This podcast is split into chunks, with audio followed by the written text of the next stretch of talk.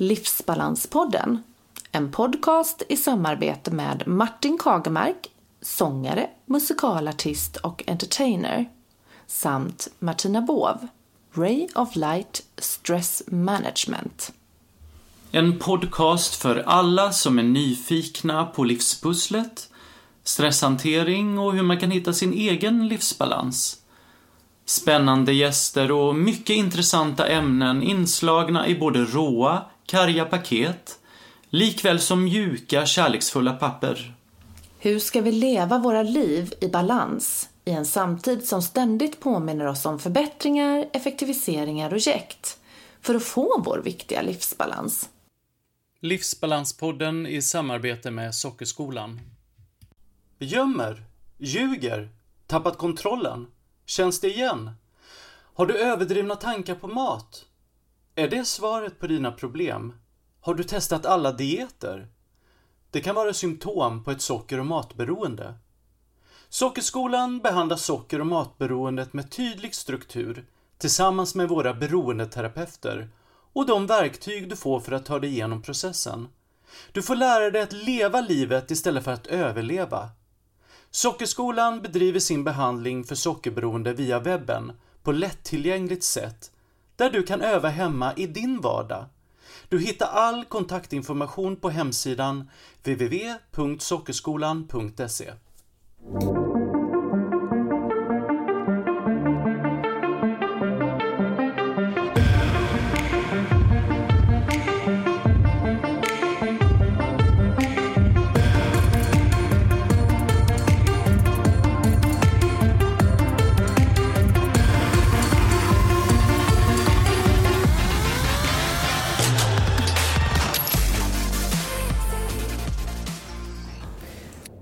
På vilket sätt kan man använda sig av tanke, känsla, handling i ledarskapsutveckling?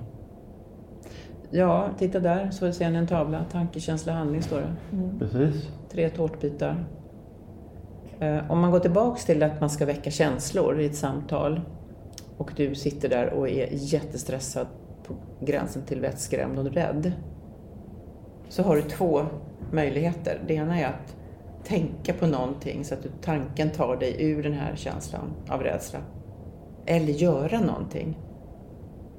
Eftersom jag har scenskräck då och har jobbat bort det, jag har ingen talängslan längre. Nej. Men jag har ju hittat min, min modell för det här, för jag har ju provat våra verktyg. Och för mig är det, jag kan gå både tankevägen men jag kan också gå handling. Då går jag in på en damrum eller stänger in mig ett rum och så jobbar jag med kroppen. Om jag har en hög puls för att jag är rädd, mm. då börjar jag jobba fysiskt med kroppen. Hoppa, skutta, studsa. Och då får jag igång den fysiska eh, tröttheten.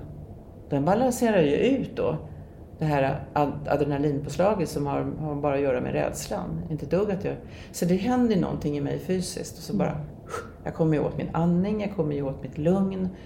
Och sen kan jag gå upp på scenen. Mm. Eller om man sitter, förr var jag ju vettskrämd att flyga. Det har jag varit i många år. Det struntar jag i helt nu. Nu skrattar du. Ja. ja. Nej, men, och då kom jag på för många år sedan att eh, jag tycker det är så kul med sån här sudoku, eller ett spel. Mm. Och då måste jag ju tänka. Mm. Man måste ju verkligen... Så jag sätter mig på en gång när jag är på flyget och så sitter jag och tittar hur jag kan få ihop de här rutorna. Nu gör jag inte det längre, men då använder jag tanken för att förändra känslan. Avledning. Avledning. Mm. Men sen kanske man vill förstärka en känsla också.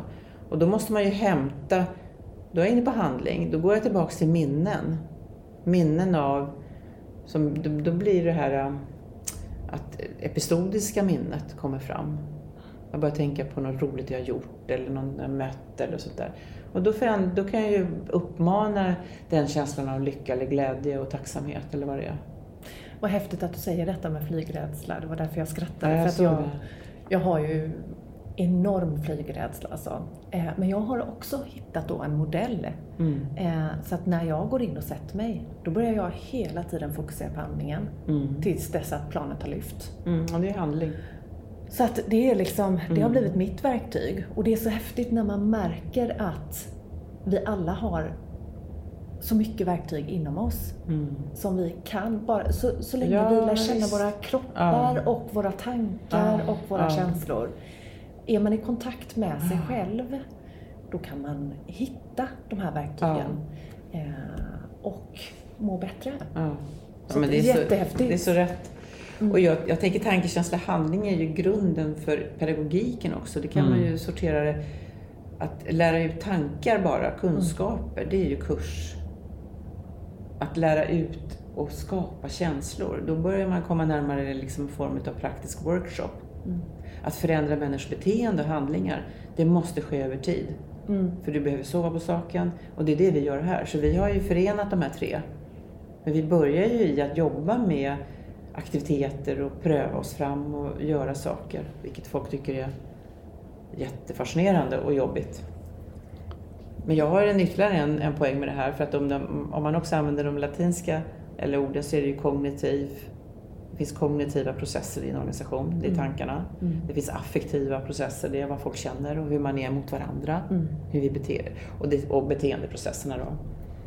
Och det, vi har ett, ett, ett, samarbete med forskare från Umeå där vi tittar på hur team uppträder mot varandra i de här tre processerna. Och då kan man säga så här, om en, en, ett team inte kan någonting, tankeprocessen, det saknas en kunskap. Ja, det kan man hämta in, eller någon i gruppen, ja men det vet jag hur det hänger ihop. Mm. Så löser man det. Är det någon i en grupp som inte mår bra i den känslomässiga processen, affektiva, så kan det förstöra hela teamet. Mm. Om man inte kommer runt det och får den här personen att börja känna sig trygg igen. Mm. Definitivt. För att det skapas misstro. Mm. Alltså psykologisk säkerhet betyder ju att jag går ut ur rummet och känner att folk snackar inte skit om mig. Mm. Jag vågar ställa korkade frågor.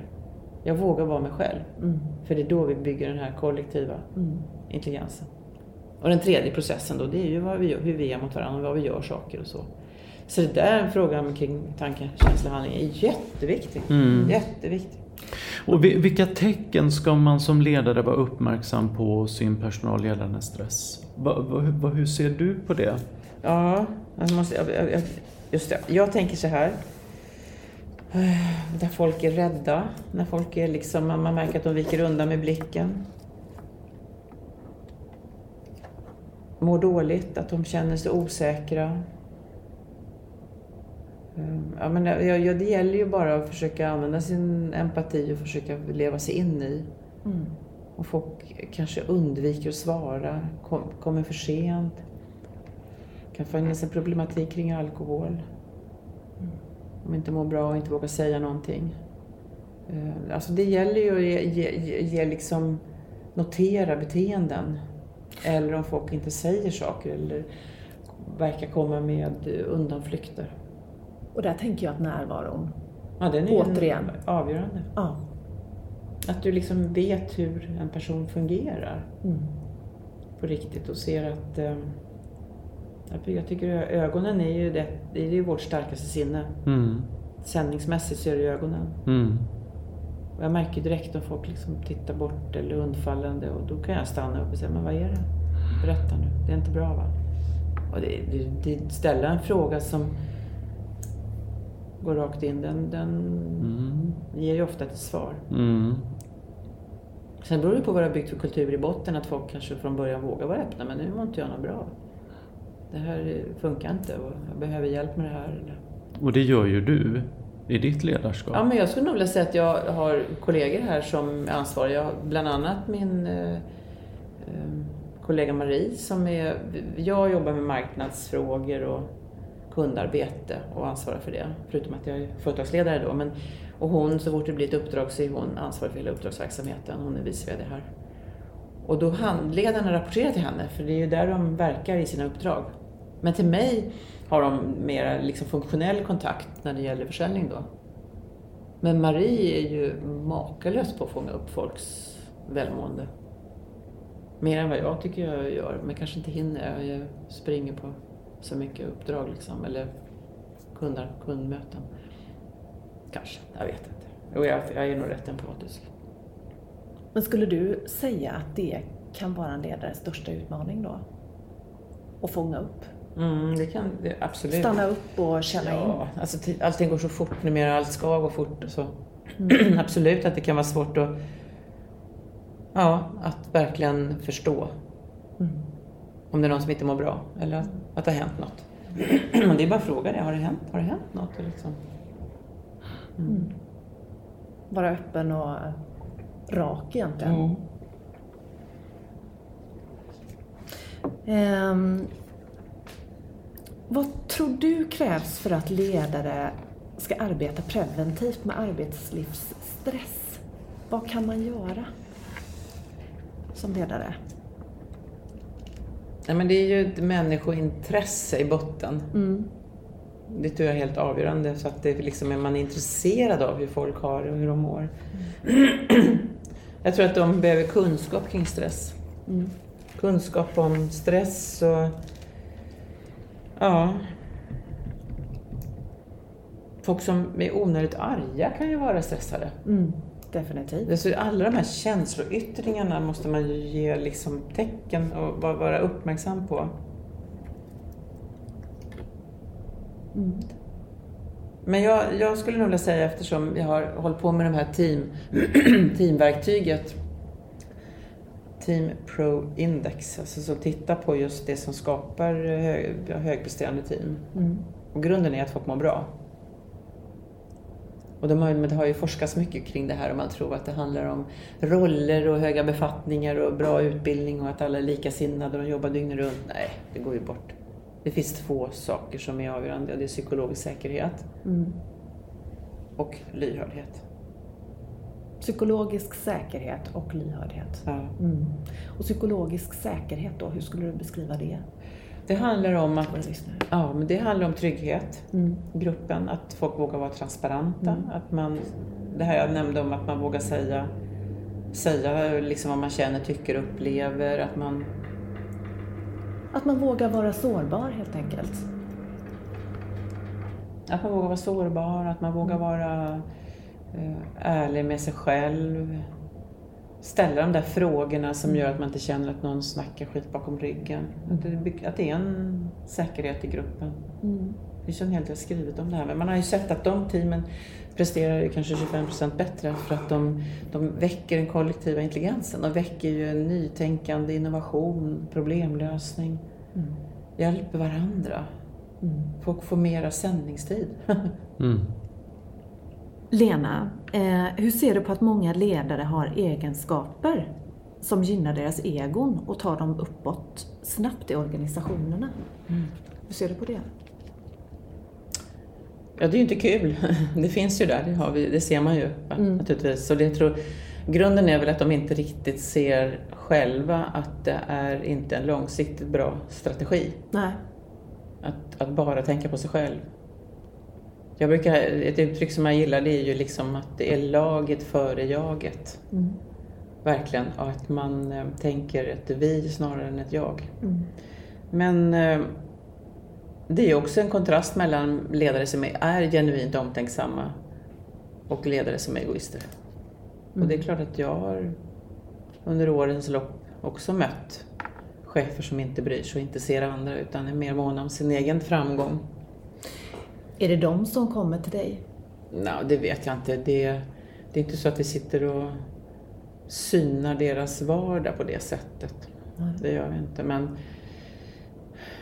det kan, ibland kan det vara så att folk missuppfattar ett beteende och tror mm. att de är egoistiska och att de är självcentrerade. Mm. När de snarare liksom har ett starkt energibehov att få reflektera. Jag hade ju förmånen, vill jag nog säga, att få Jan Stenberg som min chef på SAS. Mm. Han gick bort för några år sedan, men han, han missförstods tidigt och folk tyckte liksom att han var en väldigt eh, hård och självfokuserad person. Han drevs av resultat och otroligt intelligent. Och sen lärde jag ju känna honom när jag slutade på SAS. Efter vi jobbade ihop med alla de här topp 100-forum och han var ju så krävande, apropå vårt tidigare mm. samtal. Mm. Men jag gillade det och han, han gillade ju att jag också levererade mm. och kom med förslag och idéer. Och ibland kunde jag sätta emot och säga, men Jan, du har missuppfattat egentligen hur medarbetare tolkar dig. Du, mm. du sänder på din våglängd och Jan Karlsson sänder på sin våglängd. Mm. Så att det blir, det blir missförstånd bland kollegorna hur man ska agera för vad du säger, för man misstolkar dig. Och då, din irritation då blir ju inte bra. Så han uppskattade att jag var väldigt ärlig och vi blev ju faktiskt väldigt nära vänner efter att jag slutade på SAS. Mm. Och då ramlade min polett ner att han var jätteblyg. Han var det, han var det i grunden. Talar sex språk, superintelligent. Men samtidigt tyckte han väl inte att han riktigt fick vara med. Mm. Och då hade han lagt på den där tuffa attityden. Det var inte han karriärist. Alltså det var, det, han hade absolut ingen behov av att liksom klättra. Nu fick han ju ett sånt högt jobb. Men, mm. men, jag, men jag vill bara säga det att det, ibland kan det missförstås. Ja, precis. Eh, för att eh, han, är, han hade ett jättestort behov av att få reflektera och fundera innan han var tvungen att svara på något. Så att det du menar? Upplevdes som att han var arrogant och ja, nonchalant. Han, nonchalant, arrogant, mm. han såg inte människor och det gjorde han mm. absolut. Mm. Han var otroligt receptiv och det är så kul för jag har ju massvis med goda vänner som också fanns i SAS på den här tiden som jag umgås med idag. Mm. Och han satt ju på, ibland på möten och vi trodde han sov. Äh, han satt och blundade och lyssnade. Och tog in? Ja, ja. Mm. Gud ja. Kommer ihåg allt. Men eh, jag tycker att det inte är så kul om, när det finns, för klart det finns det karriärister som, som vill liksom ja, sin, sin egen vinning är det viktigaste mm. istället för att hjälpa andra. Men de mm. kommer ju inte komma långt därför att om de vill nå en högre befattning så måste de ju få med sig mm. gruppen och andra människor. Ingen kommer att lyckas med att göra det själv mm. om de inte ska sitta i ett rum. Och, jag vet inte, nej det funkar ju inte. Ja. Det är inte så man bygger organisationer och verksamhet och verk, verkligheten. nej, precis. Har du några tips till våra lyssnare för att undvika att hamna i ett dåligt ledarskap? Ja... Nej, jag vet inte. Tips och tips. Ja, det är väl den här lyhördheten. Det tycker jag. Man ställer frågor och man får ju sådana härliga svar, ibland oväntade svar. Men att vara, våga vara transparent och våga liksom ställa frågan har jag sagt något dumt nu eller mm. är det något du inte förstår eller kan jag göra det här på något annat sätt? Det är ju svårt som en hög, i en högre position att få feedback. Mm. Så ibland kan det ju vara så att folk liksom tisslar och tasslar ändå och sen så är det ingen som riktigt vågar säga ifrån. Men gör inte sådär. Och det där är ju jätteintressant om hur man nu ska kunna komma runt det. Mm. Men eh, ja, vad man ska ge för tips för att få en bra, eh, ett bra ledarskap? Man ska väl se till att man sover gott.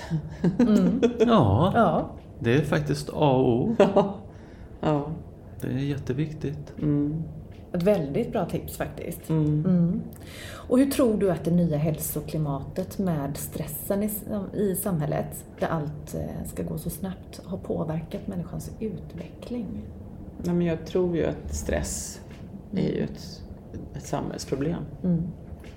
Och, det, och om man är som företagsledare klok mm. så inser man ju att människor med mycket stress gör ju ett sämre jobb. Mm. Och inte för att de inte vill, utan för att de inte orkar kanske.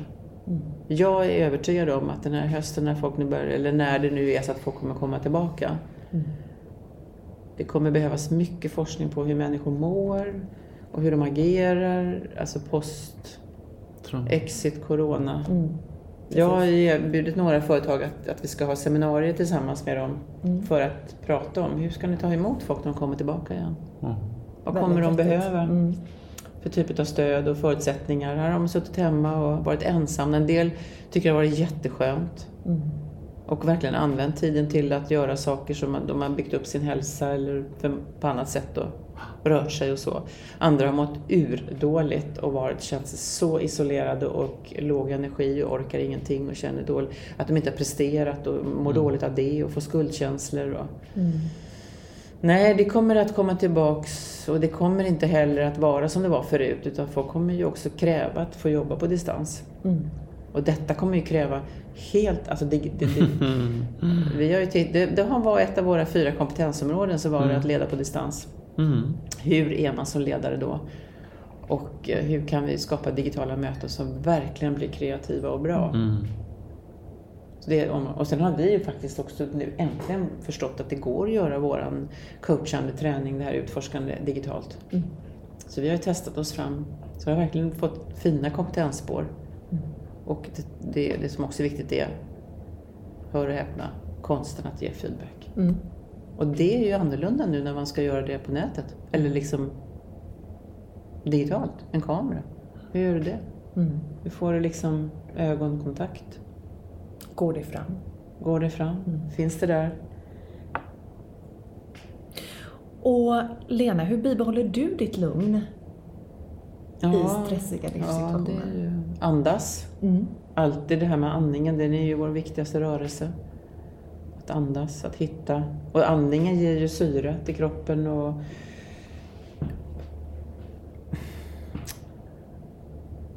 Jag tycker de senaste åren har jag blivit så mycket lugnare än vad jag varit förr. Mm. Det är klart jag kan sätta ord på vad jag står för, för jag är tryggare. Mm. Men... Um, tryggare i dig själv? I mig själv, ja. Mm. ja mm. Det är jag. Absolut. Men... Um, jag gillar ju att ha kul. Så då ordnar jag ju stunder när man har kul. Uh-huh. Och det är ju en balans mellan det privata och professionella. Jag tycker att det är viktigt att man inte bara jobbar. Mm. Sen har ju jag förmånen att kunna med ett utlandsboende sedan 5-6 år och det är ju en oas. Och jag kan jobba där nerifrån, och jag, det är i Spanien då, och jag kan liksom eh, få energi, tankeenergi. Mm. Så att den där, det är bra med balansen, men det kräver planering. Och det kan ju många som missar kanske att man planerar för att det ska fungera. Så jag, och jag bestämde mig, jag tog ett väldigt viktigt beslut tidigt att jag inte skulle snåla på att, liksom, det är klart att det är dyrt att flyga men det här är en investering i, i mitt välmående. Att kunna mm. få andas lite, lite ny luft och komma ifrån. Jag sätter nyckeln i dörren där nere så bara, det bara väller över med en, en, en lyckorus. Mm. Och min, min vår, vår kontorschef här, hon hade räknat ut hur mycket jag hade sålt för när jag var på Mallorca. Det var, jag sitter i lugn och ro där och jobbar och ringer och pratar med folk och skrattar och har kul. Och, och så, du är inte klok liksom. Det är där, åker iväg med dig. Det är där du får det gjort. Ja. För jag får koncentration, det är väl också ett nyckelord. Koncentration, avspänning. Mm. Jag går och tränar varenda dag. Jag tränar jättemycket, simmar en kilometer varje morgon. Och, mm. och eh, äter gott och träffar trevliga vänner. Mm. mm. Det är en, eh, den, den, där balansen är så viktig. Jag har ju varit gift i 29 år, vi skilde oss för 10 år sedan, 11. Och det var ju inte några roliga år, de första de åren direkt efter. Det var också en sån där stressande period och kris. Man ligger, ja, när man ligger och gråter på, hemma i ett av sovrummen på golvet. Och dotter sitter och klappar mig på benen. Mamma, mm. ska vi göra något? Mm. Nej, jag vill bara vara ledsen. Mm. Men det var ju ett gemensamt beslut och det roliga är att jag och Gunnar är så himla goda vänner. Vi jobbar, vi jobbar ihop här i bolaget. Han har ju stöttat det här uppväxten av liksom det här bolaget i alla år. Så när han fick möjlighet till att bidra här som konsult så har han gjort det nu några år. Övergripande utvecklingsfrågor och ekonomi och det, har ju alltså, mm. det han har gjort under den här coronaperioden när det gäller liksom allt det juri, alltså det här med avtalen och alla de här mm. möjligheterna att vi har sökt bidrag och så. Nej, vi har delat upp det. Det är också en viktig grej att man delar upp det och att man vågar lita på att folk gör det. Och att man också vågar ifrågasätta om man inte förstår och mm. diskuterar. Och... Transparens. Mm. Mm. Är inte det ett fint ord? Jo, definitivt. Mm. Och vad har du för tips då till våra lyssnare om hur man kan leva sitt liv i balans? Du har ju sagt några mm. nyckelord, men har du några fler? Nej, men jag tror ju på att eh, alltså kroppen måste ju må bra. Så jag, jag ehm, jag har ju väldigt konkreta tips eftersom jag gick ner 17 kilo för fyra år sedan, tre och ett halvt år sedan. Och jag har alltid varit väldigt kraftig, och, men inte sådär så att det har, folk har sett utan jag har dolt det liksom. För att det. Men sen så var jag nere på Mallorca då och gick och tränade och höll på att svimma bara för att jag skulle böja benen. och min, Mikael där nere han sa, men vad är det med dig? Jag blev skritvit här på överläppen och jag är ju för tung. Det går ju inte. Mikael där nere, vem är Mikael? Han är tränare på mm. sportklubben så han, eh, han hade en lektion eller vad man ska säga. Där du höll på att svimma? Ja, han skulle böja, benböja av något slag och sen så bara... Det, bara och det här var då julen för fyra år sedan och då hade jag också börjat förstå att jag kanske kan träffa någon också. Och så kände jag, jag vill inte vara så här stor. Jag vill gå ner i vikt, sa jag till honom. Okej, okay, sa han. Då ska du göra så här. Sluta dricka alkohol. Mm. För det, levern förbränner alltid gifterna först. Jaha, då fick jag en insikt. Alltså kunskap. Och två, gör någonting 30 minuter varje dag. Det behöver inte vara flås, men gör något fysiskt varje dag. Promenad, mm. cykla, gör något varje dag. Mm. Och så drar du ner på kalorierna så du lägger det på en viss nivå som du bestämmer dig för. Och där börjar ju kilona rasa. Mm. Jag började direkt. Och där har vi ju livsstilsförändringen. Det är en total. Mm. Ja, det är det. Och det är ändå liksom inte någon direkt diet. Nej, eller, nej. Utan att man, man verkligen ser över ja, sitt liv. Ja.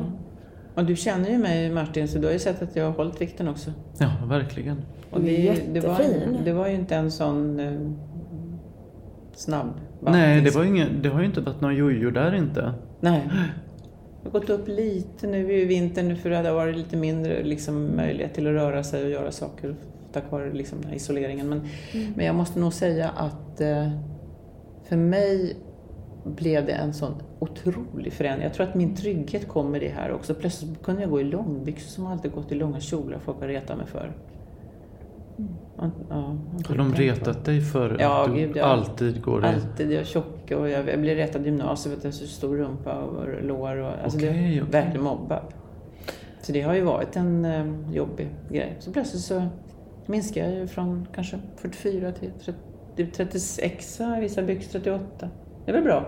Verkligen bra. Men eh, det är klart att jag eh, lärde mig med också att äta gott, äta bra, mm. äta på regelbundna tider. Mm. Alltså alla de här sakerna som man, man säger. Jag gjorde det bara.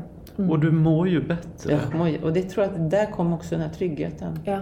Känslan av att jag duger. Det vi pratade om innan där mm. mm. Men det roliga, roliga, det är ju verkligen kul när jag kom ner för Mikael han skrev på, på vi hade kontakt och hur går det och sådär och jag skrev, ah, jag kämpar väl på skrev jag. Jag vill inte säga någonting. Och så kom jag ner i slutet på februari, då hade det gått en och en halv månad, då hade det gått ner 12 kilo. Och då hade jag bokat en tid med honom och han visste ju inte någonting. Och här kom jag in i ett par tajta byxor, sådana här stretch. Och han satt på en cykel inne i rum, kardiorummet och väntade på mig. Och jag har aldrig sett en så förvånad människa. Han är på att ramla av cykeln. Han bara skrattar, men det här är ju inte klokt Lena. Mm. Och sen fortsatte det ju liksom under, under våren. Jag fortsatte ju lite långsammare tempo kanske, men det var ju också en kickstart, det var inte så dumt. För det gav ju motivation. Mm. Och det är en del av det här att, wow, titta jag lyckas. Absolut. Det var roligt. Så tror jag att jag nog gick ner lite för mycket för att mm. det har många sagt till mig efteråt att det liksom, man får inte bli för, för smal och rynkig. Det blir inte bra det heller. Fast det är något som ligger hos dig, Kanske vad du ja. tycker och känner. Mm.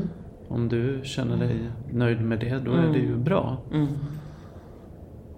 Nej, men det, den största insikten var det här med hur levern förbränner fetter mm, mm. och gifter och att det mm. går en viss turordning. Det var en väldigt viktig insikt. Så mm. det handlar inte om eller kalorierna. Det är frågan om hur kroppen fungerar. Jag mår ju bättre. Mm. Är, dricker du överhuvudtaget Jaha, idag? Eller? Idag ja. ja, ja. ja. ja. Nej men sen var jag ju på våren där så absolut. Mm. Men det är ju inte så att jag jag dricker aldrig i veckorna. Det, det gör jag inte. Om det inte är någon alldeles särskild firande av någonting kanske man kan ta ett glas. Men nej, det blir ju mer liksom, fredag, mm. lördag då. Det mm. kan vara trevligt. Och... Ja. Hur ser en vecka ut för dig, Lena?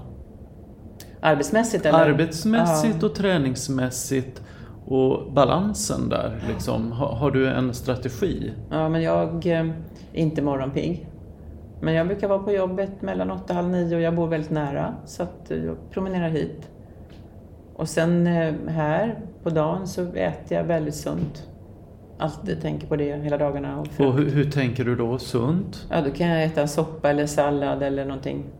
Inte jag har tagit bort nästan de snabba kolhydraterna helt. Mm. Och vad är de snabba kolhydraterna bröd, för dig då? Ja, bröd och socker. Och, mm. Mm. och sen på kvällen så tränar jag. Mm. Jag kommer hem. Jag har en cykel i mitt sovrum, en sån här motionscykel. Gammal skrälle. Och, ehm, och sen så brukar jag försöka leta upp en bra serie på någon sån där kanal och sen så får jag inte titta på den om man inte cyklar. Ja, det, den är ju bra alltså. Den är väldigt bra. Och hur lång tid eh, cyklar du då? Halvtimme. En halvtimme? Absolut. Ja. Minst en halvtimme. Ibland ja. blir det lite till, men, men det beror på hur lång... Jag kanske vill se färdigt en bit av ja, ja, ja, visst. Ja. ja, och sen så fixa lite sallad och, och sådär. Sådär i veckorna. Och sen blir jag nu har det ju varit lugnt eh, tack vare Corona, men annars brukar jag ju vara bjuden på en hel del olika aktiviteter och premiärer, event och liknande. Jag har ju jobbat jättemycket med mitt varumärke och liksom identitet här på Ledarstudion de senaste fem, sex åren. För att stärka företagets synlighet. Så då har jag ju också glädjen att få, få gå på väldigt mycket roliga saker. Mm. Och det är oftast i veckorna. Mm. Och helgerna, det blir ju mera liksom privatliv och, mm. Och träffa vänner och göra saker och ting. När du åker till eh, ditt ställe i Spanien, hur ofta gör du det då? Förut när det var vanligt liksom, mm. öppet och så, så var det väl, försökte jag väl en gång i månaden och långhelg. Mm. Och så kan ju det bli lite tätare på våren när det är naturligt sett långa, mm. mm. lite längre helger. Mm. Hela sommaren. Något år så var jag nere 13 veckor. Så det är ju verkligen fram och tillbaka. Sen har det inte blivit så mycket i år. Det blev ju bara inställt, inställt, inställt. Ja. Mm. Men det är mitt hem. Mm. Och jag vet att folk brukar liksom tycka, gud kan man få låna eller hyra? Nej, Nej. det är mitt hem. Ja. Mm. Det är bara mina tjejer som kan vara där. Jag tycker det är viktigt för att det är ju liksom, jag, jag skulle kunna ta bara, jag behöver inte ta med mig något egentligen, bara åka.